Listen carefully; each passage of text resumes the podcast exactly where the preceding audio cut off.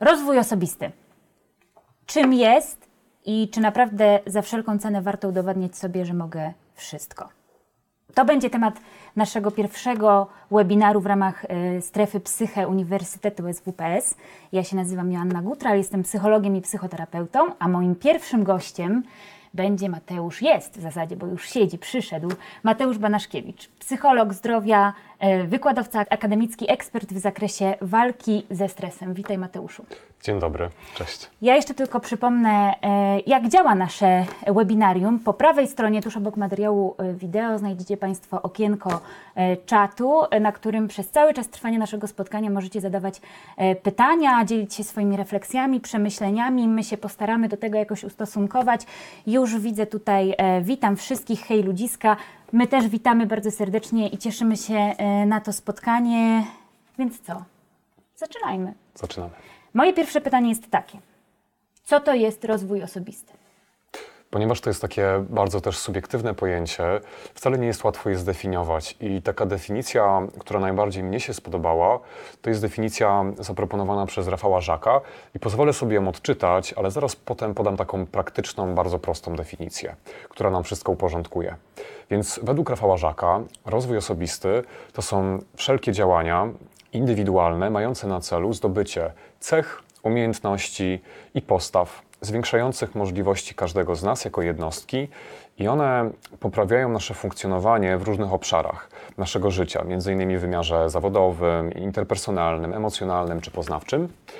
A żeby to w taki bardzo prosty sposób zebrać, powiedziałbym, że rozwój osobisty to jest y, wszystko to, co robimy świadomie albo nieświadomie, to się też potrafi dziać samo, co sprawia, że lepiej sobie radzimy w rzeczywistości, w której żyjemy, lepiej sobie radzimy w świecie. No właśnie, lepiej sobie radzimy w świecie, lepiej funkcjonujemy na co dzień. E, zapytano respondentów o to, co rozumieją przez rozwój osobisty. 23% osób realizowanie marzeń i celów, 17% dbanie o relacje z innymi, 12% dbanie o rodzinę. Czy to jest tak, że rozwój osobisty, to żeby mieć poczucie rozwoju osobistego, czy faktycznie się rozwijać, musi dotyczyć wszystkich tych obszarów? Czy to jest tak, że na różnych etapach życia te obszary się zmieniają? I jak w zasadzie zmierzyć to, że ja faktycznie funkcjonuję lepiej, jest mi lepiej? Mhm. Pewnie etapy życia to jest takie słowo klucz w tym przypadku, bo rzeczywiście taki sposób myślenia o rozwoju, który ja lubię, to jest takie przyglądanie się temu, że nasze życie w pewnym sensie składa się z takich pewnych różnych sezonów. To znaczy, jak mm, mamy kilkanaście lat, to inne rzeczy na tym etapie są ważne i na czym innym musimy się wręcz skoncentrować, żeby sobie radzić.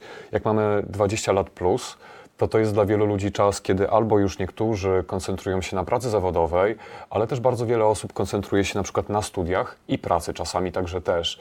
I na tym etapie naturalne jest to, że rozwój ma prawo w inny sposób przebiegać, bo na czym innym się koncentrujemy i co innego jest nam potrzebne, żeby sobie radzić. Po czym poznać, y, czy się rozwijamy? Pewnie po tym, na ile zadowalające dla nas jest nasze życie, nasze relacje, cele, które sobie stawiamy, ale też na ile udaje nam się realizować wartości, które są dla nas ważne, jeśli w ogóle mamy świadomość tego, jakie wartości w tym momencie konkretnym są dla nas ważne. I to jest ciekawe, o czym mówisz, bo mamy teraz okres no, postnoworoczny, tak? Nowy rok, nowa ja zewsząd te hasła w internecie e, spływają. E, no i nawet gdybym tak chciała się zastanowić, no, no dobra, no to może jakiś nowy etap, e, czas podsumować, coś, czas coś zmienić. Oglądam Facebook, oglądam Instagram, a tam tak, koleżanka na siłowni, kolejna w egzotycznej podróży, trzecia zakłada rodzinę, czwarta dostała awans w pracy, no i ja się tak w tym wszystkim trochę gubię, że no co ja powinnam zrobić, w jakim kierunku ja powinnam pójść jak, jak, jak to wybrać, kiedy masz takie poczucie, że e, no, niby wszystko jest tak, jak być powinno, ale jednocześnie jakoś niesatysfakcjonująco? Właśnie, bo myślę, że powinnam czy powinienem to jest też w tym przypadku słowo klucz, bo cenną umiejętnością będzie dla nas to, żeby się zorientować, czy ja na tym etapie rzeczywiście potrzebuję robić jakieś bardzo konkretne rzeczy, żeby coś w moim życiu się zmieniło, bo w naturalny sposób życie stawia przed nami bardzo często pewne wyzwania, które nas często też same w sobie rozwijają. Mm, jeśli tak się nie dzieje, to możemy się zastanowić nad tym, czy ja mogę coś konkretnie wybrać, coś, co będzie sprawiało, że potrzebuję zmobilizować energię, rozwinąć nowe umiejętności po to, żeby radzić sobie lepiej, ale też, y, i to jest zdrowe, ale też są sytuacje, kiedy my po prostu mamy tendencję, żeby porównywać się z innymi i w rezultacie mamy takie poczucie przymusu ku temu, żeby nasze życie stało się lepsze, a to lepsze to tak naprawdę słowo w cudzysłowie, bo mm, w porównaniu z kimś, kto na przykład w Instagramie, czy, czy na Facebooku, na zdjęciach, na nagraniach wydaje się być szczęśliwszy, to jest coś, co jest tylko elementem czyjegoś życia i daje poczucie, że czegoś nam brakuje. Bardzo często w rzeczywistości to nie jest takie proste i dobrze byłoby nauczyć się rozróżniać, kiedy ja porównuję się na niekorzyść, mm, kiedy jest tak, że w moim życiu są rzeczy, z których e, dobrze by było, żebym po prostu się cieszył, wcale nie mając przymusu rozwoju. No właśnie, żeby doceniać te rzeczy, z których mogę się cieszyć. Czy to nie jest czasem tak, że mamy tendencję do niedoceniania swoich sukcesów i osiągnięć. To znaczy, jeżeli mm, będę oglądała e, zdjęcia influencerki, piosenkarki, która faktycznie no, jeździ fantastycznymi samochodami, mhm. odbywa dalekie zagraniczne podróże, jej życie wygląda jak usłane różami, no to mogę mieć takie poczucie, że no, nie, no ta moja praca, no to nie, no fajnie, że jest, ale no wiesz, no nie jest to tego samego rodzaju sukces. Jak w takim razie doceniać siebie i doceniać to, co, co już udało nam się gdzieś osiągnąć? I jakie ma to znaczenie dla podejmowania kolejnych kroków? Mhm. Po pierwsze, to myślę, że w ogóle warto pamiętać o tym, że takie porównania my je robimy i świadomie, i nieświadomie. Czyli jeśli na przykład korzystamy z e, jakiegoś medium społecznościowego i widzimy pięknych ludzi, widzimy piękne miejsca i piękne życia w naszym odczuciu, mm, to warto pamiętać o tym, że czasami takie poczucie, że nasze życie jest niedoskonałe, ono budzi się świadomie, a czasami ma miejsce, a my nawet sobie z tego nie zdajemy sprawy. Więc po pierwsze pamiętać o tym, że taki proces występuje, a po drugie mm, są pewne rzeczy, które możemy robić świadomie w tym kontekście i Martin Seligman, to jest taki bardzo znany i ceniony psycholog, wykazał w swoich badaniach, że możemy to wręcz praktykować. I to były bardzo różne, bardzo ciekawe badania, które pokazały, że korzyścią dla ludzi mm, będzie na przykład regularne, świadome przywoływanie rzeczy, które w ich życiu są pozytywne. Czyli jeśli ja mam takie aspiracje, żeby moje życie było mm, skoncentrowane na podróżach, na odwiedzaniu fantastycznych miejsc, porządku, nie ma w tym nic złego, to może wynikać z po prostu moich aspiracji albo z tego, co widzę w mediach społecznościowych. Ale nawet w takiej sytuacji, na przykład e, przed snem, mogę pomyśleć sobie o tym, a co dzisiaj zadziało się takiego drobnego, codziennego, co jest wartością w moim życiu. Na przykład spotkanie z moimi rodzicami, z którymi być może moja relacja nie jest idealna, ale są wartością w moim życiu, bo są moimi bliskimi i wiele, wiele innych drobnych rzeczy. I badania wykazały, że osoby, które przez tylko tydzień czasu wykonywały taką regularną praktykę, po kilku miesiącach na przykład miały wyższy poziom optymizmu, który się utrzymywał, a to jest bardzo ważny parametr, tak możemy powiedzieć, psychologiczny, który sprzyja naszemu radzeniu sobie i naszemu dobrostanowi, który oznacza poczucie jakości życia, satysfakcji z życia. Mówisz o wyższym poziomie satysfakcji z życia. Ja y, nawiążę do pytania, które tutaj padło y, od jednego z naszych widzów.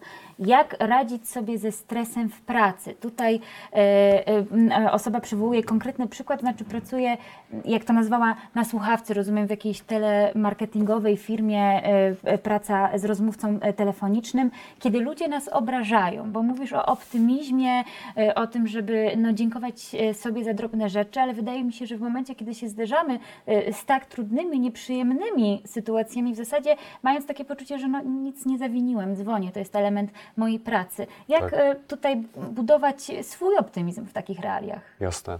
To kilka rzeczy. Po pierwsze, w psychologii zdefiniowano takie pojęcie, które nazywa się pracą emocjami i oznacza po prostu to, że w niektórych zawodach, tak naprawdę współcześnie wielu, człowiek znajduje się w takich sytuacjach, kiedy poradzenie sobie czy wykonanie swojej pracy wymaga po prostu przeżywania emocji. I mamy dwie możliwości, jeśli chodzi o sposób, w jaki te emocje przeżywamy. Tak zwana praca głęboka i praca płytka. I szczególnie takie osoby, które na przykład pracują z telefonem i to się wiąże z tym, że na przykład dzwonią do ludzi, oferują pewne produkty, no, będą narażone na to, że czasami będą słyszały nieprzyjemne komentarze i w związku z tym będą przeżywały negatywne emocje. I praca płytka będzie wiązała się z tym, że taka osoba będzie próbowała radzić sobie z tymi silnymi emocjami, na przykład próbując dać wyraz temu, że przeżywa inne. Mówiąc prosto, będzie starała się być bardzo miła. Albo będzie starała się okazywać inne emocje, albo stłumić te, które przeżywa. I to jest tak zwana praca właśnie płytka. I badania wykazały, że długofalowo to niestety jest coś, co w związku z tym, że obciąża nasze ciało, obciąża nasz układ sercowo-naczyniowy i robi wiele, wiele rzeczy w ramach naszego radzenia sobie, sprzyja niestety wypaleniu zawodowemu, mm -hmm. ale mamy również pracę głęboką. I praca głęboka emocjami polega na tym, że taka osoba próbuje radzić sobie nie udając jakieś emocje, których nie przeżywa, tylko po prostu reaguje w taki sposób, który z jednej strony oczywiście ją chroni, czyli mówi na przykład do klienta, który na nią krzyczy, mówi proszę pana, pan na mnie krzyczy, jak jestem po to, żeby panu pomóc, ale potrzebuję, abyśmy poszukali rozwiązania. Poszukamy go, kiedy Pan przestanie na mnie krzyczeć. Czyli stawiam pewne granice, próbuję poradzić sobie z tą sytuacją, ale nie udaję emocji, których nie przeżywam ale nadal jestem kulturalny, bo to w pracy po prostu muszę zrobić. Więc troszeczkę, tak powiedziałem naukowo, ale powiem prosto, chodzi o to, żeby rozwijać sobie taką zdolność, żeby być autentycznym z tym, co przeżywam, ale oczywiście wykonywać moją pracę w sposób profesjonalny. I to jest pewna sztuka. E, udawanie to jest najgorsza rzecz, którą, którą w tym przypadku możemy zrobić. I szukając takiego, może jeszcze jednego mm, sposobu poradzenia sobie, żeby, żebym się za bardzo też nie rozgadał, Śmiało. powiedziałbym, mm, to co będzie korzystne, to takie przypominanie sobie o tym, że wtedy, kiedy ktoś na przykład w takiej pracy jest dla mnie agresywny, nieprzyjemny, to ten atak, którego doświadczam, czy to te słowa, które słyszę, one nie są skierowane dla mnie jako, wobec mnie jako osoby w tym przypadku Mateusza, bo ta osoba mnie nie zna. One są skierowane wobec mnie jako przedstawiciela firmy, z której dzwonię, albo przedstawiciela zawodu, który wykonuję. I takie myślenie o tym, że człowiek mnie atakuje, ale prawdopodobnie dlatego, bo wiele razy już ktoś mu coś próbował sprzedać, mm, albo dlatego, że ma negatywne doświadczenia z moją firmą, i to jest atak na rolę, którą pełnię to wielu ludzi odrobinkę będzie potrafiło dystansować wobec tej sytuacji, pomagać przyjąć inną perspektywę i też będzie sprawiało, że ta nasza reakcja dalej będzie się wiązała z pobudzeniem, ze stresem, bo to jest trudna sytuacja, ale to będzie znacznie zdrowsze, znacznie bezpieczniejsze. Czyli rozumiem, że uwzględniając to, że nie jest to komentarz nakierowany na tę konkretną osobę, tworzymy pewnego rodzaju trochę tarczę, która pozwoli nie przyjąć pełnej siły i pełnej mocy tak. E, tych trudnych słów, których tak. E, ktoś doświadcza. To bardzo ważne i ciekawe i myślę, że dotyczy nie tylko zawodu związanego z pracą na słuchawce, ale w zasadzie jest uniwersalne do każdego rodzaju pracy. Kolejne pytanie, które tutaj spływa i myślę, że też jest powiązane jakoś ze środowiskiem pracy, jak robić to, co nudne, a trzeba to robić, a się to odwleka. Teraz ręka w górę ten, komu się nigdy tak nie zdarzyło. Ja ręki nie podniosę. Ja też nie. Zdecydowanie. Mm, kilka rzeczy. Po pierwsze, mm, zawsze przypominać sobie o tym, że nawet taka praca, która z boku wydaje się być bardzo pasjonująca, mm, wyzwalająca same pozytywne emocje, to zazwyczaj jest praca, która też wiąże się z tym, że człowiek robi rzeczy nudne, które trwają. To to jest pierwszy krok. Z drugiej strony, dla wielu ludzi tak, to, co sprawia, że nie podejmują konkretnego działania, czekają na ostatnią chwilę, to takie poczucie, że to, co muszę zrobić, jest e, źródłem negatywnych emocji, frustracji albo przerasta moje możliwości. Mm, I to, co jest czasami, albo powiedziałbym w wielu przypadkach pomocne, i na to też wskazują badania, to nawet w nudnych sytuacjach odwoływanie się do wartości. I to trochę wymaga takiego pewnego psychologizowania. Podam konkretny przykład. Jeśli myślimy sobie o tym, że musimy wykonać pewną papierkową pracę, żeby wysłać jakieś dokumenty i żeby pewną sprawę po prostu domknąć i odkładamy na swoją chwilę, to pomocne może być takie pomyślenie sobie o tym, że to jest rzecz dla mnie nudna, frustrująca, wymagająca czasu. Wydaje mi się, że mam ciekawsze rzeczy do zrobienia, ale z drugiej strony zrobienie tego daje mi na przykład poczucie bezpieczeństwa, jeśli to jest dla mnie rzecz ważna. I to nie będzie sprawiało, że ta praca się stanie pasjonująca, ale to będzie rzecz, która będzie sprawiała, że łatwiej nam będzie pamiętać o tym, że długofalowo to jest coś, co będzie nam służyło. I badania z obszaru samokontroli wskazują na to, że to jest jedna z rzeczy, która pomaga.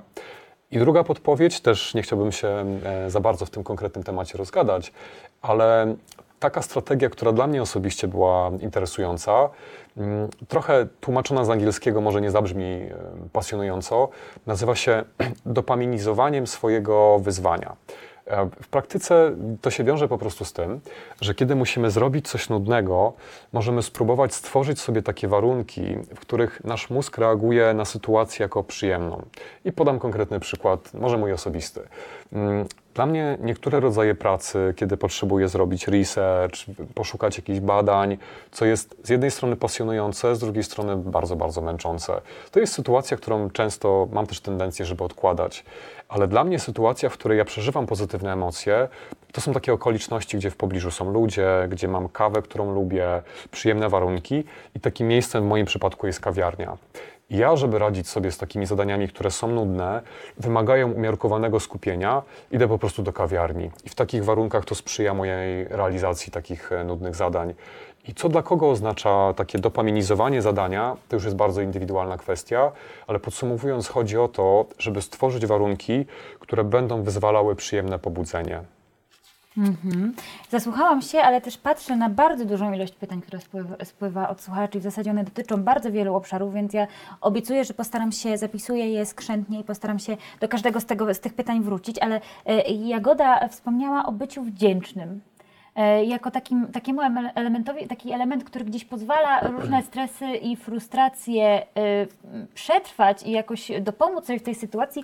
E, Kinga wspomniała o dzienniku wdzięczności. Aha. Co na ten temat byś powiedział? Czy faktycznie uświadamianie sobie tej wdzięczności sobie za to, że jednak się przeszło przez jakieś zadanie, które niekoniecznie należało do tych ulubionych i może było ono zrobione na ostatnią chwilę, ale jednak było.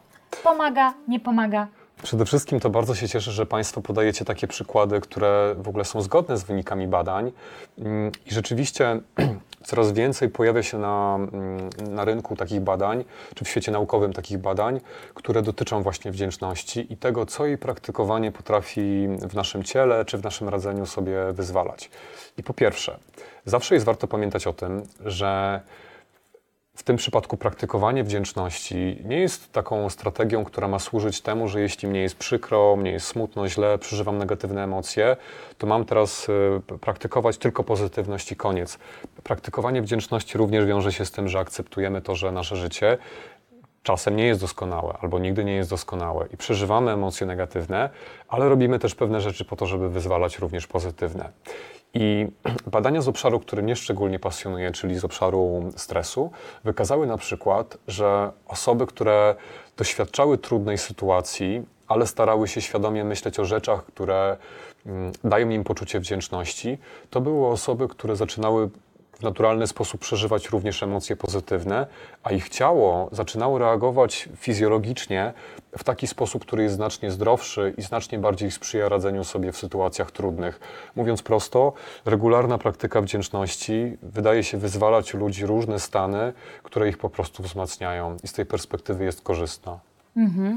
Miesza nam się tutaj, mieszają nam się dwa wątki, ale to, to bardzo dobrze, bo widać one są potrzebne, jakoś interesujące dla odbiorców. Stres a rozwój osobisty. Na ile stres może zablokować nam tę drogę do rozwoju osobistego i w jaki sposób rozładować duży stres wewnętrzny? Takie padło pytanie, spięcie ciała, organizmu. Jak już doświadczyliśmy tego dużego e, stresu, w jaki sposób możemy sobie e, poradzić z tym, żeby go zredukować i, i gdzieś wrócić do funkcjonowania na poziomie, na jakim nam to zależy? To jest idealne pytanie do mnie, bo to rzeczywiście jest Dlatego obszar, który, który kocham. Um, Myślę, że przede wszystkim to, co dobrze by było, aby zostało mocno podkreślone, to to, że ludzie potrafią przeżywać różnego rodzaju stres. I prawdopodobnie większość z Państwa usłyszało w swoim życiu o tym, że jeśli stres jest krótkotrwały, to potrafi mobilizować, jeśli jest długotrwały, no to już zawsze szkodzi naszej produktywności, szkodzi naszemu zdrowiu. Otóż badania pokazują, że to na szczęście nie jest takie proste i wskazują na to, że ludzie potrafią przeżywać nawet długofalowo stres, ale w taki sposób, który jest znacznie zdrowszy, znacznie bezpieczniejszy. I badania z tego obszaru bardzo mocno wskazują na to, że taką wspierającą nas w tym przypadku strategią jest takie myślenie o tym, kiedy pojawia się na przykład w naszej pracy stres, takie myślenie o tym, że to, co w tej chwili przeżywam, to jest po prostu źródło energii, będące wyrazem tego, że w tej trudnej sytuacji mój mózg postrzega ją w taki sposób, jakby działo się coś ważnego, co zagraża, czy dzieje się sytuacja, która zagraża czemuś, co jest dla mnie ważne, i w rezultacie mój mózg wyzwala energię po to, żeby pomóc mi sobie poradzić z tą sytuacją albo w tą sytuację się zaangażować. I badania wskazują na to, że to sprzyja temu, aby ludzie zamiast mieć poczucie zagrożenia w sytuacji stresującej, bardziej mieli poczucie pewnego wyzwania, sytuacji, z którą być może są w stanie sobie poradzić. I za tym podąża nasza fizjologia, która reaguje w znacznie zdrowszy dla nas sposób. I znowu, trochę przepsychologizowałem, teraz uproszczę. I myślę, że dobrze byłoby, aby słuchacze poobserwowali sobie w swoim życiu, czy przypadkiem nie jest tak, że wiele sytuacji stresujących w naszej pracy, pomimo tego, że wydają się to być sytuacje, gdzie należałoby uciec albo w jakiś sposób sprawić, że tej sytuacji w rzeczywistości nie będzie, to często są sytuacje, gdzie abyśmy w przyszłości radzili sobie lepiej albo doświadczyli jakichś korzyści, to są sytuacje, w które trzeba się zaangażować. Weźmy taki bardzo prosty przykład pozapracowy, jak randka. Niech podniesie rękę, nie zobaczymy oczywiście, ale niech podniesie rękę ten, który, mm, człowiek, który idąc na pierwszą randkę, na której mu zależało, nie przeżywał stresu. I gdyby zawsze było tak, że mamy poczucie, że stres jest sygnałem o tym, że trzeba uciec z tej sytuacji, albo trzeba go natychmiast zredukować, to prawdopodobnie w rezultacie ta pierwsza randka by się często nie odbyła, albo byśmy dawali takie poczucie, że nie jest dla nas ważna. W bardzo wielu sytuacjach najlepszą możliwą rzeczą, którą możemy sobie zaproponować, jest przypomnienie sobie o tym, że stresuję się, ale to jest barometr nie mojej słabości, nadwrażliwości, nieradzenia sobie, tylko barometr tego, że coś się w moim życiu dzieje ważnego. To pociągnę to pytanie dalej, a w zasadzie jedna e, ze słuchaczek zapytała o to, jak przestać angażować się zbytnio w pracę, ponieważ to, to, to, wielkie zaangażowanie jest źródłem stresu, tak? Czyli ja też idąc tutaj, no, mając e, do przeprowadzenia ten webinar, odczuwałam stres. No z jednej strony sobie mogę myśleć o tym, że no tak, energia spożytkuje ją. No koniec końców jest całkiem przyjemnie, wprawdzie zostało nam jeszcze trochę czasu i mam nadzieję, że tak zostanie, ale myślę sobie o tym, że y, same myśli o tym, co mnie czeka i y, wyobrażanie sobie tego, y, tych stresujących momentów, a z drugiej strony mam to traktować e, jako energię. No jaką energię, jak ja tutaj wiem, że czeka mnie po prostu masakra w tej pracy i, i bardzo się angażuję. Jest to dla mnie bardzo ważne, bardzo mi na tym zależy. Jak sobie z tym poradzić, kiedy jeszcze ten stresor mnie nie zaatakował, a już występuje u mnie stres? Aha, no, oczywiście jest bardzo wiele strategii, bo rzeczywiście możemy wykorzystywać naszą głowę po to, czy nasze myślenie, po to, żeby nas wspierało. I dla niektórych osób w takich sytuacjach pomocne będzie na przykład odwołanie się do przeszłych doświadczeń. Jeśli mam takie poczucie, że coś robię po raz pierwszy i jest ogromna szansa, że sobie nie poradzę, albo jeśli popełnię błąd, to po prostu będzie katastrofa, mogę pomyśleć sobie, ile razy w moim życiu występowały takie sytuacje, w których miałem poczucie, że to jest koniec świata. Dla kogoś to na przykład może być matura. Mm, ale po czasie okazało się, że jednak w jakiś sposób sprostałem.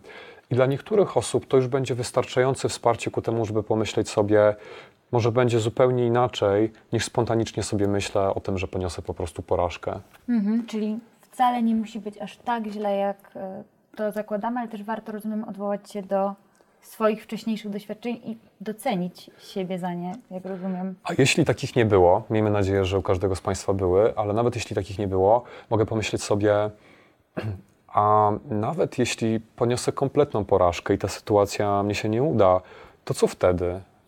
Być może będę w stanie przekonać się o tym, że jestem w stanie wstać z kolan i po tej porażce w jakiś sposób nauczyć się tego, że to nie jest dla mnie koniec świata, tylko sięgnę po wsparcie albo zbuduję coś na nowo i tak dalej.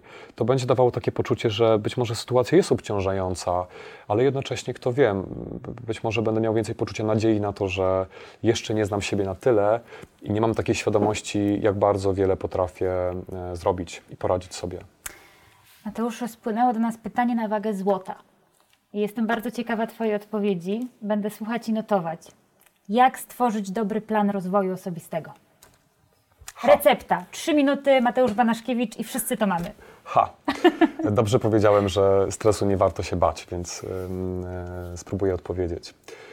Myślę sobie, po pierwsze, pamiętać o tym, że te nasze plany rozwojowe powinno odzwierciedlać to, co dla nas jest ważne, a nie tylko dla innych ludzi.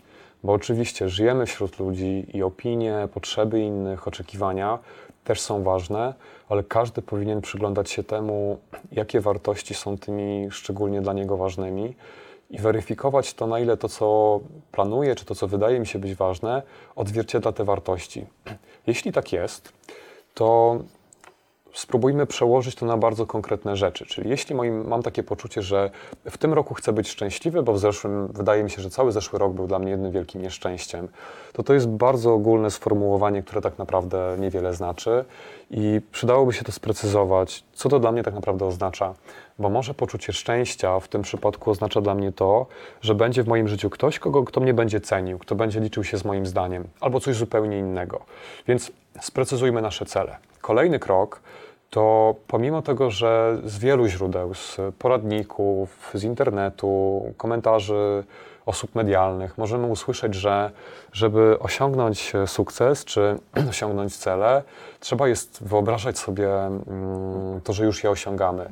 I badania w tym przypadku wykazały, że to sprzyja przeżywaniu emocji pozytywnych, i to się przydaje, ale nie wystarczy. I kolejny krok to jest zaplanowanie działań, które potrzebujemy podjąć, żeby sobie poradzić. Czy to będą działania takie długofalowe, czy krótkofalowe, bo taki cel też jest warto podzielić. To znaczy, na przykład w tym miesiącu, jeśli moim celem na ten rok jest mm, być szczęśliwym, co oznacza dla mnie to, że z kimś się zaprzyjaźnię albo pogłębię już posiadaną przyjaźń, to mogę zaplanować sobie, co konkretnego zrobię w tym miesiącu. I jest jeszcze kolejny krok, czyli przewidzieć to, czy pomyśleć o tym, jakiego typu trudności mogą się pojawić i co zrobię, żeby sobie z nimi poradzić. Czyli na przykład praca może sprawić, że nie będę miał czasu na spotkanie twarzą w twarz. I co mogę zrobić, żeby jakoś tą sytuację obejść. Czyli tworzę taki plan trochę zastępczy, trochę asekuracyjny na to, co mogłoby się potencjalnie nie udać. Tak. Rozumiem, że wtedy, kiedy no, wystąpią jakieś komplikacje, mamy takie poczucie bezpieczeństwa, wsparcia, wzmocnienia, daje nam to możliwość wytrwania w realizacji mm, tego planu. I co więcej, pokazują badania, że ludzie wręcz zaczynają radzić sobie z tymi trudnościami tylko dlatego, że przewidzieli takie same albo podobne, mm, które mogą wystąpić to sprawia, że w sytuacji kryzysu zaczynamy działać. Bo w praktyce większość ludzi nie realizuje planu zmiany, czy nie realizuje zmiany, którą planowała, dlatego że nie była do niej odpowiednio przygotowana. Mimo tego, że na przykład w styczniu miała poczucie, że bardzo chce zacząć uprawiać sport. I ludzie podejmują pierwsze kroki, ale często ich nie realizują, bo nie byli przygotowani do radzenia sobie z trudnościami, które wystąpią. Mhm. Pytanie kolejne. Jak odkryć w sobie właściwe dla siebie kierunki rozwoju? Czyli siedzę, zastanawiam się, no dobra, możliwości, nieskończona ilość może przede mną i teraz jak w zasadzie powinnam rozpoznać to, że, że, że to jest to, czego potrzebuję, no bo też no, no może to budzić pewne lęki, może to budzić pewne ob obawy. E, z jednej strony mamy pewne e, mody i wpływy z portali społecznościowych, mhm. z grona przyjaciół, przekonania e, rodzinne o tym, co jest dla nas dobre. Jak, jak ja sama mam odnaleźć to, co jest mi w tym momencie y, potrzebne, co będzie dobrym kierunkiem Aha. do rozwoju? To kilka kroków. Po pierwsze, polecałbym, żeby zastanowić się, czy ja naprawdę potrzebuję w tym momencie świadomie zacząć jakiś swój plan rozwoju tworzyć, bo nawet jeśli go nie stworzę, to dla wielu ludzi często życie samo w sobie będzie sprawiało, że rozwój się zadzieje nawet nieświadomie, dlatego że życie zwykle czy praca stawia przed nami różne wyzwania. Ale jeśli już mam taki plan i, i chcę go realizować, czy chcę przyglądać się temu, co, co chcę w sobie rozwijać, to jasno podkreślmy to, że z jednej strony możemy korzystać z pomocy profesjonalnej.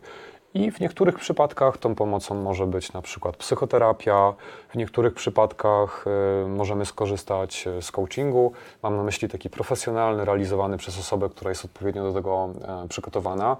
Możemy korzystać również z różnych innych zasobów, jak warsztaty, w tym przypadku skoncentrowane na przykład na rozwoju kariery albo w ogóle rozwoju osobistym, takie samoświadomościowe. Możemy również korzystać z różnych książek, Pewnie warto jest sprawdzić zawsze, kto taką pozycję napisał, na ile to jest osoba dla nas wiarygodna. I to, z czego skorzystamy, w dużym stopniu będzie zależało od tego, mm, jest takie psychologiczne, lubiane przez psychologów słowo, to będzie zależało od tego, jakie mamy zasoby. Bo jeśli ja na przykład mam duże trudności w radzeniu sobie z osobami, z którymi współpracuję, jest wiele konfliktów, nie udaje mi się rozwiązać takiej sytuacji, może się okazać, że psychoterapia to będzie taka forma rozwoju, która dla mnie będzie najlepsza, bo na przykład warsztat może nie wystarczyć. W niektórych przypadkach, niektórych, u niektórych osób, mm, radzenie sobie jest na tyle zaawansowane, że wystarczy książka, wystarczy warsztat, więc mówiąc tak bardzo konkretnie, to będzie zależało od osoby i od sytuacji.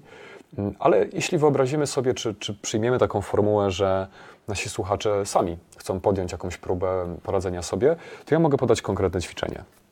Śmiało. Mm, Takie, które lubię i też jak tylko jest ku temu przestrzeń, to robię je ze studentami, to jest tak zwane koło życia. Ja też sam zresztą z najbliższymi znajomymi co roku e, w grudniu też je wykonuję. Polega na tym, że rysujemy sobie na kartce wielkie koło, które dzielimy na cztery ćwiartki. I w pierwszym kroku myślimy sobie o tym, które obszary są tymi, którym chciałbym się przyjrzeć, które wydają mi się być ważne dla mnie. I bardzo często ludzie wybierają na przykład zdrowie, relacje, mm, sport, podróże, no w zależności od tego, jak, jak po prostu czujemy, czego chcemy spróbować. I potem te cztery obszary możemy podzielić sobie, mm, jak taki tort, czy jak kawałki pizzy, na jeszcze konkretne kawałki, czyli na przykład w tym obszarze zdrowie możemy zdefiniować sobie mm, badania profilaktyczne, co jeszcze? No, różne inne rzeczy, które jakoś dla nas są po prostu ważne. E, I ko- kolejnym krokiem, kiedy sobie już zdefiniujemy te poszczególne kawałki tego tortu, jest taka próba oszacowania, na ile w tej chwili się czuję e, usatysfakcjonowany właśnie z tych obszarów, bo może się okazać, że w kontekście mojej pracy mam takie poczucie, że na 90% w tej chwili się czuję spełniony, ale w kontekście najbliższych relacji, czy może relacji z przyjaciółmi, to jest e, 30%. I kolejny krok, kiedy już sobie zdefiniujemy, na ile czujemy się zadowoleni z tych obszarów, jest powiedzenie sobie, to który jest tym najważniejszym, którym w tym roku albo w najbliższym czasie chciałbym się zająć, a potem co to dla mnie oznacza. I wtedy przechodzimy te kroki, o których mówiliśmy a propos zdefiniowania celu i tak dalej. Mateusz, wspomniałeś o tym, że czasami możemy korzystać e, z pomocy specjalistów. Przedstawiłeś tutaj teraz scenariusz na jedno ćwiczenie. Zajęło Ci to dobre kilka minut. A ja na YouTubie widziałam Zmień swoje życie w dwie minuty. Siedem kroków do szczęśliwego życia. Co więcej, nawet obejrzałam parę tych wykładów, dwie minuty, które zmienią Twoje życie wczoraj, a wciąż czekam. I jakby powiedz mi, wchodzimy do Empiku, widzimy cały, y, całą zestaw książek y, poświęconych temu, że no, w zasadzie wszystko zależy od Ciebie, wszystko leży y, y, na wyciągnięcie Twojej dłoni. Czy to jest tak, że z rozwojem osobistym można przedobrzyć, Czyli jakby zagłębić się y, y, w, w tą wiarę, w to, że mogę wszystko i to przyniesie mi negatywne konsekwencje, albo że faktycznie wystarczy przeczytać książkę, żeby zmienić całe swoje życie, no bo z tego, jak opisujesz to ćwiczenie, wynika, że ja muszę w to włożyć naprawdę dużo pracy i to, to parę minut na YouTubie niestety nie wystarczy, a szkoda. E, I czy powinniśmy, czy jakieś y, mm, elementy powinny budzić y, w nas takie znaki zapytania? To znaczy, że może to jest ślepa uliczka, może to nie jest sprawdzone i może to nie działa. Jak to rozpoznawać i dlaczego takie filmy cieszą się dużą popularnością? Dobrze, to kilka pytań, kilka odpowiedzi. Tak jest. Um, po pierwsze, co dobrze byłoby, abyśmy nauczyli się rozpoznawać, to to, czy przypadkiem nie traktujemy rozwoju osobistego jako takiej pewnej formy radzenia sobie na przykład z emocjami, które przeżywamy, albo z trudnościami, które się pojawiają. To znaczy, może się okazać, że ktoś różnego rodzaju kursy, czy szkolenia, czy książki traktuje jako sposób na to, żeby trochę przeżywać mniej negatywnych emocji. Często to może być rzecz nietrafiona, bo taka osoba może potrzebować po prostu pomocy profesjonalnej. Więc to jest jakby pierwszy aspekt, jaki jest nasz stosunek do rozwoju osobistego.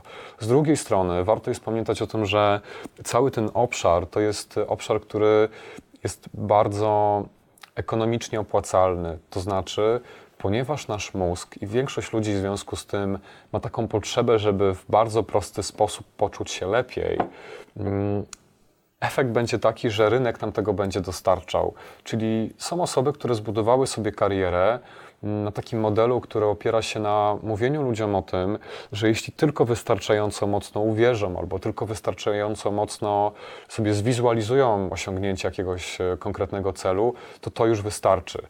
I z jednej strony jest pewien procent badań, który pokazuje, że w niektórych sytuacjach wystarczy, że człowiek o pewnym zjawisku zacznie myśleć inaczej i to już wprowadza zmiany w jego życiu. Ale dla większości z nas i większości sytuacji to nie będzie takie proste i trwała zmiana będzie wymagała trwałych działań, które często będą wiązały się z trudem, który musimy włożyć. I całe szczęście, bo gdyby wprowadzanie zmian w naszym życiu było takie proste, to tak naprawdę Joanna, którą znam dzisiaj, byłaby inną Joanną, z którą spotkam się jutro, bo różne sytuacje by sprawiały, że stajemy się innymi osobami. Na szczęście to nie jest takie proste i zachowujemy pewną taką mm, sytuacyjną stałość. Słuchajcie, zadajecie Państwo tyle pytań i one są wszystkie tak dobre, że ja jednym uchem słucham Mateusza, tutaj patrzę, naprawdę ciężko się w tym wszystkim odnaleźć, ale staram się bardzo, żeby nic, e, nie, niczego nie ominąć. E, pojawiło się też pytanie e, o to, że kiedy mówiłeś o tym, jak tworzyć ten dobry, dobry plan rozwoju osobistego, nie wspomniałeś o tym, jak stać się osobą, którą chce się stać. Takie jest pytanie od naszego słuchacza. Na ile istotny jest to element? To znaczy, znaczy wyznaczanie sobie pewnych elementów siebie, do których wyobrażanie sobie w zasadzie tej osoby, którą chciałbym się stać. Tak rozumiem to pytanie, mam nadzieję, że w zgodzie e, z intencją e, słuchacza, ale właśnie, czy to jest korzystne, taka wizualizacja siebie za lat 10. Teraz zresztą w internecie e, no gdzieś ten ten year challenge dominuje, porównanie siebie w czasie. Czy to pomaga, czy to gdzieś wręcz przeciwnie? Znowu, wiele pytań, kilka odpowiedzi. Nie mogę się powstrzymać, przepraszam. Um, po, po pierwsze, myślę sobie tak, że każdy z nas powinien pamiętać o tym, że mamy pewne ja realne i ja idealne. I rozwój osobisty to jest proces. to znaczy, ten Mateusz, którym ja chcę być, to jest być może Mateusz, który nigdy w rzeczywistości nie zaistnieje, ale na przestrzeni czasu może się w moim sposobie zachowania, czy w moim funkcjonowaniu, w moim życiu, wiele rzeczy z tego, co sobie wymarzyłem, zadziać. Tylko to jest po prostu pewien proces jest ogromna szansa, że przez całe nasze życie będzie pewne ja idealne, które chcielibyśmy osiągnąć, ale nigdy to się nie zadzieje, bo, bo ludzie mają naturalną tendencję do rozwoju. I rozwojem w tym przypadku byłoby przypominanie sobie o tym, że to ja, które już teraz występuje, ten ja, który w tej chwili żyje, to też jest ja, który jest ok, który jest w porządku. Więc znalezienie pewnej równowagi w tym zakresie. Z drugiej strony jest taka pewna linia badań, z, angielskiego nazywa się Future Self, czyli przyszłe ja, które wskazuje na to, że jeśli stworzy się taką sytuację, że ludzie pomyślą sobie o tym, mm, że nawiązują pewien kontakt ze swoim ja z przyszłości, czyli na przykład piszą list, mhm. albo na Uniwersytecie Harvarda prowadzono badania, gdzie uczestnicy korzystali ze specjalnych Google'ów, w których widzieli siebie, ale postarzonego. Ich rolą było nawiązać pewien kontakt z tą osobą. I badania wykazały, że taka podróż w przyszłość, takie nawiązanie kontaktu ze swoim przyszłym ja sprawiało, że te osoby miały znacznie większą gotowość i w rzeczywistości to robiły. To znaczy podejmowały działania, które tu i teraz są trudne, na przykład odkładali pieniądze na emeryturę, ale długofalowo były to rzeczy, które im po prostu sprzyjały. I rzeczywiście badacze wręcz nauczyli się sprawdzać, na ile każdy z nas ma poczucie bliskości swojego przyszłego ja. I te osoby, które mają takie poczucie, tak jak miałbym miał, miała sobie pomyśleć, czy ten Mateusz za 30 lat to jest mi ktoś obcy, jak o nim myślę, to jest w ogóle ktoś, kto nie jest mi bliski, czy wręcz przeciwnie, mam takie poczucie, że to jest osoba, która też ma podobne potrzeby, albo jak, jeśli coś ją będzie bolało, to tak jak mnie boli w tej chwili, i mamy większe poczucie kontaktu ze swoim przyszłym ja, tym badania wykazują, robimy więcej rzeczy, które długofalowo nam będą służyły. Na przykład korzystniej się odżywiamy. Jeden z naszych y, słuchaczy y, podzielił się takim, taką myślą, że jest w miejscu, gdzie nie ma celu w swoim życiu. Że jest mu ciężko, że to życie jest ponure, że ciężko mu znaleźć radość. Jak sobie z tym poradzić, żeby wyjść z takiego stanu? No bo mówimy o rozwoju, mhm. o szukaniu pewnych możliwości, pracowaniu nad własnymi umiejętnościami, kompetencjami, wartościami. Natomiast co w momencie, kiedy mamy wrażenie, że tej przyszłości też trochę nie ma, albo jest ona bardzo ponurych y, barwach. Mhm. Myślę, że są dwa kierunki. Z jednej strony praktyki kontemplacyjne i w tym przypadku mm, na przykład mindfulness, który, uważność, która zakościła w psychologii i jest badana nadal od, praktycznie 30 lat, to jest taki obszar, który ludzi uczy tego, że nawet kiedy w takim momencie się znajdujemy, to możemy po prostu praktykować bycie w tym doświadczeniu i, i taki, taką pewną formę obserwacji tego, co to dla mnie, mm, co to u mnie wywołuje, że jestem w takim momencie życia i przyjmowanie takiej pewnej biernej postawy wobec tego doświadczenia. Nie bierności w swoim życiu, ale bierności wokół tego, że w tej chwili mam poczucie braku celu albo doświadczam emocji, których być może bym nie chciał doświadczyć taka pewna akceptacja tego, że w tej chwili tak po prostu jest i nie realizuję się w taki sposób, jakbym chciał, albo nie przeżywam tych emocji, które bym chciał. Obserwacja. I badania wykazały, że taki rodzaj akceptacji długofalowo sprawia, że ludzie lepiej sobie radzą z trudnościami, których doświadczają. Z drugiej strony, to co, to, co może być e, w tym przypadku wsparciem, to no znowu, pewnie poszukiwanie pomocy profesjonalnej, to zawsze. Jeśli to doświadczenie, które Pan opisał, się wiąże po prostu z cierpieniem, to może być sygnał, że potrzebujemy wsparcia, którego sobie sami nie będziemy w stanie e, dostarczyć. Trzeci sposób to, to trochę już o czym mówiliśmy, czyli przyglądanie się wartościom, których doświadczamy, albo które są dla nas ważne, których nam w tej chwili brakuje. I to możemy robić na wiele sposobów. Z jednej strony sami sobie zadawać pytanie, co w tej chwili jest dla mnie ważne, albo co było dla mnie ważne kiedyś, jak to się ma do aktualnej sytuacji, i na tej podstawie wnioskowanie o tym, co być może wymaga zmiany, albo mm, co to dla mnie tak naprawdę w tej chwili oznacza. Myślę sobie też o tym, że to cenne, że wspomniałeś e, o szukaniu profesjonalnej pomocy w stylu psychoterapii. To akurat tutaj moje pole i obszar zdrowej głowy, więc bardzo Ci za to e, dziękuję, bo myślę, że ten temat też warto oswajać i że psychoterapia, czy udział w psychoterapii też jest jak najbardziej formą rozwoju osobistego. Często jest to kojarzone z leczeniem, ale jak najbardziej ma to funkcje i wpływy rozwojowe. Ale myślę sobie też o tym, że kiedy zdarza nam się taki moment, a wielu z nas zdarza się taki moment takiego przestoju, czyli trochę tego celu nie widzę, trochę nie wiem co dalej, no niby jest słabo, ale wciąż stabilnie, no dramatu nie mam. Mamy takie myśli i przekonania, które funkcjonują w języku, jesteś kowalem swojego losu. Mhm. Co cię nie zabije, to cię wzmocni, tak? Y, nie ma rzeczy niemożliwych, możesz więcej niż myślisz. Y, czy to nie działa trochę w ten sposób, że słysząc to wszystko, a będąc w takim punkcie, z którego trochę nie mam wyjścia, czuję się jeszcze gorzej i w zasadzie ten rozwój osobisty w ogóle mnie nie obchodzi, a wręcz odrzuca? Bo powiedziałeś o akceptacji i zaangażowaniu, chciałabym Cię podkusić, żebyś powiedział o tym trochę więcej. Mm, skomentuję to w ten sposób, że Czasami albo wręcz często są takie sytuacje, że rzeczywiście słyszymy o tym, że wszystko zależy od naszego działania, od naszej inicjatywy i tak naprawdę, jeśli tylko się postaramy, to, to wszystko się zmieni. I znowu, to jest pewne uproszczenie. Rzeczywistość jest na tyle złożona, że w wielu przypadkach y, to, czy coś się w naszym życiu zmieni, czy coś nam się uda, zależy też od wielu czynników. I cenną umiejętnością będzie dla nas też przypominać sobie o tym, że żeby doszło do zmiany, Czasami konieczny jest przestój, czasami rzeczywiście sytuacja nie zależy w pełni od nas i tak naprawdę zmianą będzie zaakceptować to, że przez jakiś czas coś się nie zmieni. Podam konkretny przykład, bo być może to będzie najbardziej czytelne. Wyobraźmy sobie sytuację, w której ktoś przeżywa trudny okres pracy, ma właśnie poczucie przestoju, ma poczucie, że się nie rozwija i tak dalej. Mm, no i to będzie w naturalny sposób wiązało się z, z przeżywaniem negatywnych emocji, czasami może wręcz z, z cierpieniem.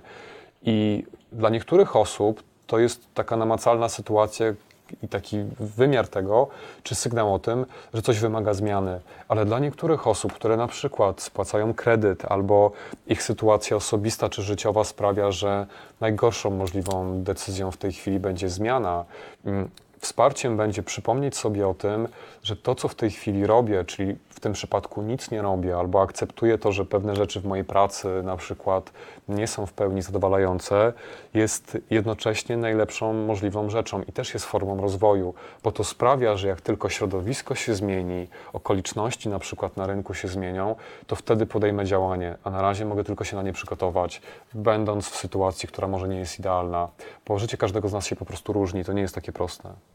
Czyli nie możemy przedstawić jednego planu konkretnego i odpowiedzi na pytanie, jak żyć. Zdecydowanie nie. Choć, jak wspomniałem o akceptacji, to podkreślę teraz jeszcze, nie mam na myśli bierności i lubię się posługiwać takim, mm, taką pewną metaforą, która mówi o tym, że to, że akceptujemy deszcz, nie oznacza, że wychodzimy na, na dwór bez parasola. To po prostu oznacza, że akceptujemy to, że choć nasze życie nie jest idealne, to samo w sobie to jest pewną formą e, bycia idealnym, bo jesteśmy ludźmi i to jest wyraz po prostu bycia człowiekiem.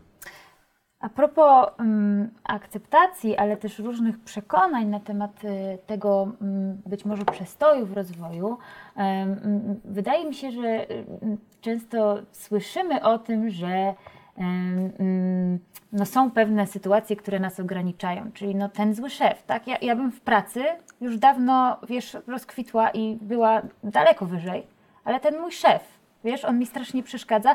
No, rodzina też tam ma pewne swoje przekonania, że ta psychologia to niekoniecznie był dobry wybór.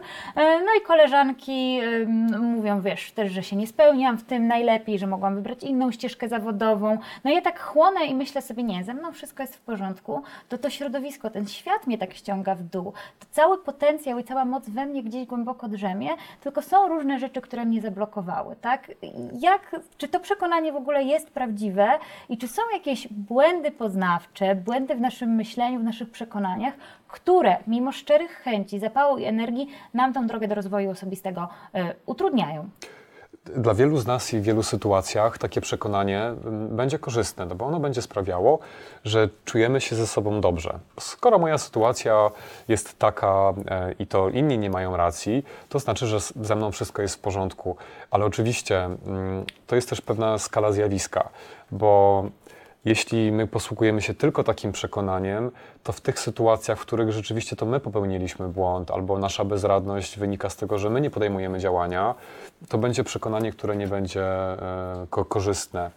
Jak pomyślimy sobie, bo wspomniałaś o tych różnych osobach, które na przykład medialnie czy w jakiś sposób poprzez swoją karierę mówią innym ludziom o tym, że mogą wszystko i wręcz może zarabiają na tym, że próbują e, przekazać czy sprzedać jakieś proste sposoby na sukces, to każdy z nas powinien pamiętać o tym, że wśród tych tak zwanych przekonań, czy może nawet błędów tak zwanych poznawczych, znajdują się też takie, że kiedy człowiek, kiedy my osiągamy sukces, to zwykle mamy takie poczucie, że to wynika ze mnie, to wynika z tego, co ja zrobiłem.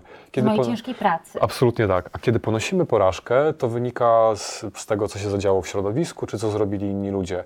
I to ma nas chronić, ale z drugiej strony sprawia też, że w świecie są osoby, które mówią, wszystko, co osiągnąłem, zawdzięczam samemu sobie. Wszystko to było wynikiem mojej pracy. I być może one same, ale też my, którzy to słyszymy, nie mamy wtedy świadomości, że to jest znacznie bardziej złożone. To znaczy, czy ktoś jest piosenkarzem, czy jest artystą, czy, czy kimkolwiek innym, kto w naszym poczuciu osiągnął sukces, to często jest osoba, która nie tylko ciężko pracowała, bo to również, ale też żyła w rzeczywistości, czy rozwijała się w rzeczywistości, która prawdopodobnie jakoś się wsparła w tym, żeby to się udało. Czy otrzymała czy miała możliwość e, wykształcenia się na dobrym poziomie, czy żyła w środowisku, które temu sprzyjało, czy w czasach, które sprawiły, że jako pierwsza zrobiła coś wyjątkowego. Zapominamy często o kontekście i warto jest sobie o tym po prostu przypominać. Okej. Okay. Padło jeszcze jedno y, pytanie, które y, tutaj słuchaczka zdefiniowała, że ma bardzo proste pytanie.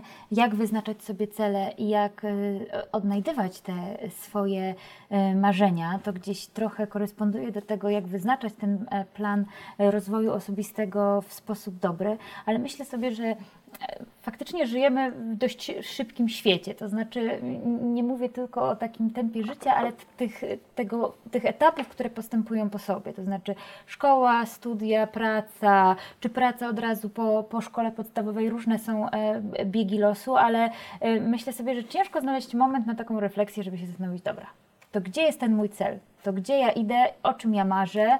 E, czasami zmagamy się z takim przekonaniem, że to próba jest przetrwania, przeżycia z dnia na dzień, a gdzieś te cele i te marzenia są w jakiejś takiej nierealnej strefie.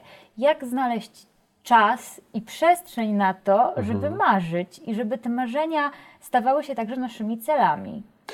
To po pierwsze mm, pewnie zachęcałbym do tego, żeby różne wydarzenia takie społeczne, które mają miejsce w ciągu roku, były dla nas taką właśnie okazją. Y, nieraz spotkałem się z osobami, które na przykład obśmiewały początek roku i to, że ludzie sobie wyznaczają różne cele, których potem nie realizują. Ale to jest właśnie bardzo ciekawe, że to jest, taki, to jest takie wydarzenie społeczne, które sprawia, że ludzie w naturalny sposób dają wyraz optymizmowi, który przeżywają i dają wyraz temu, że chcieliby, żeby ich życie stało się w jakiś sposób lepsze czy inne, chciałyby te osoby zmiany.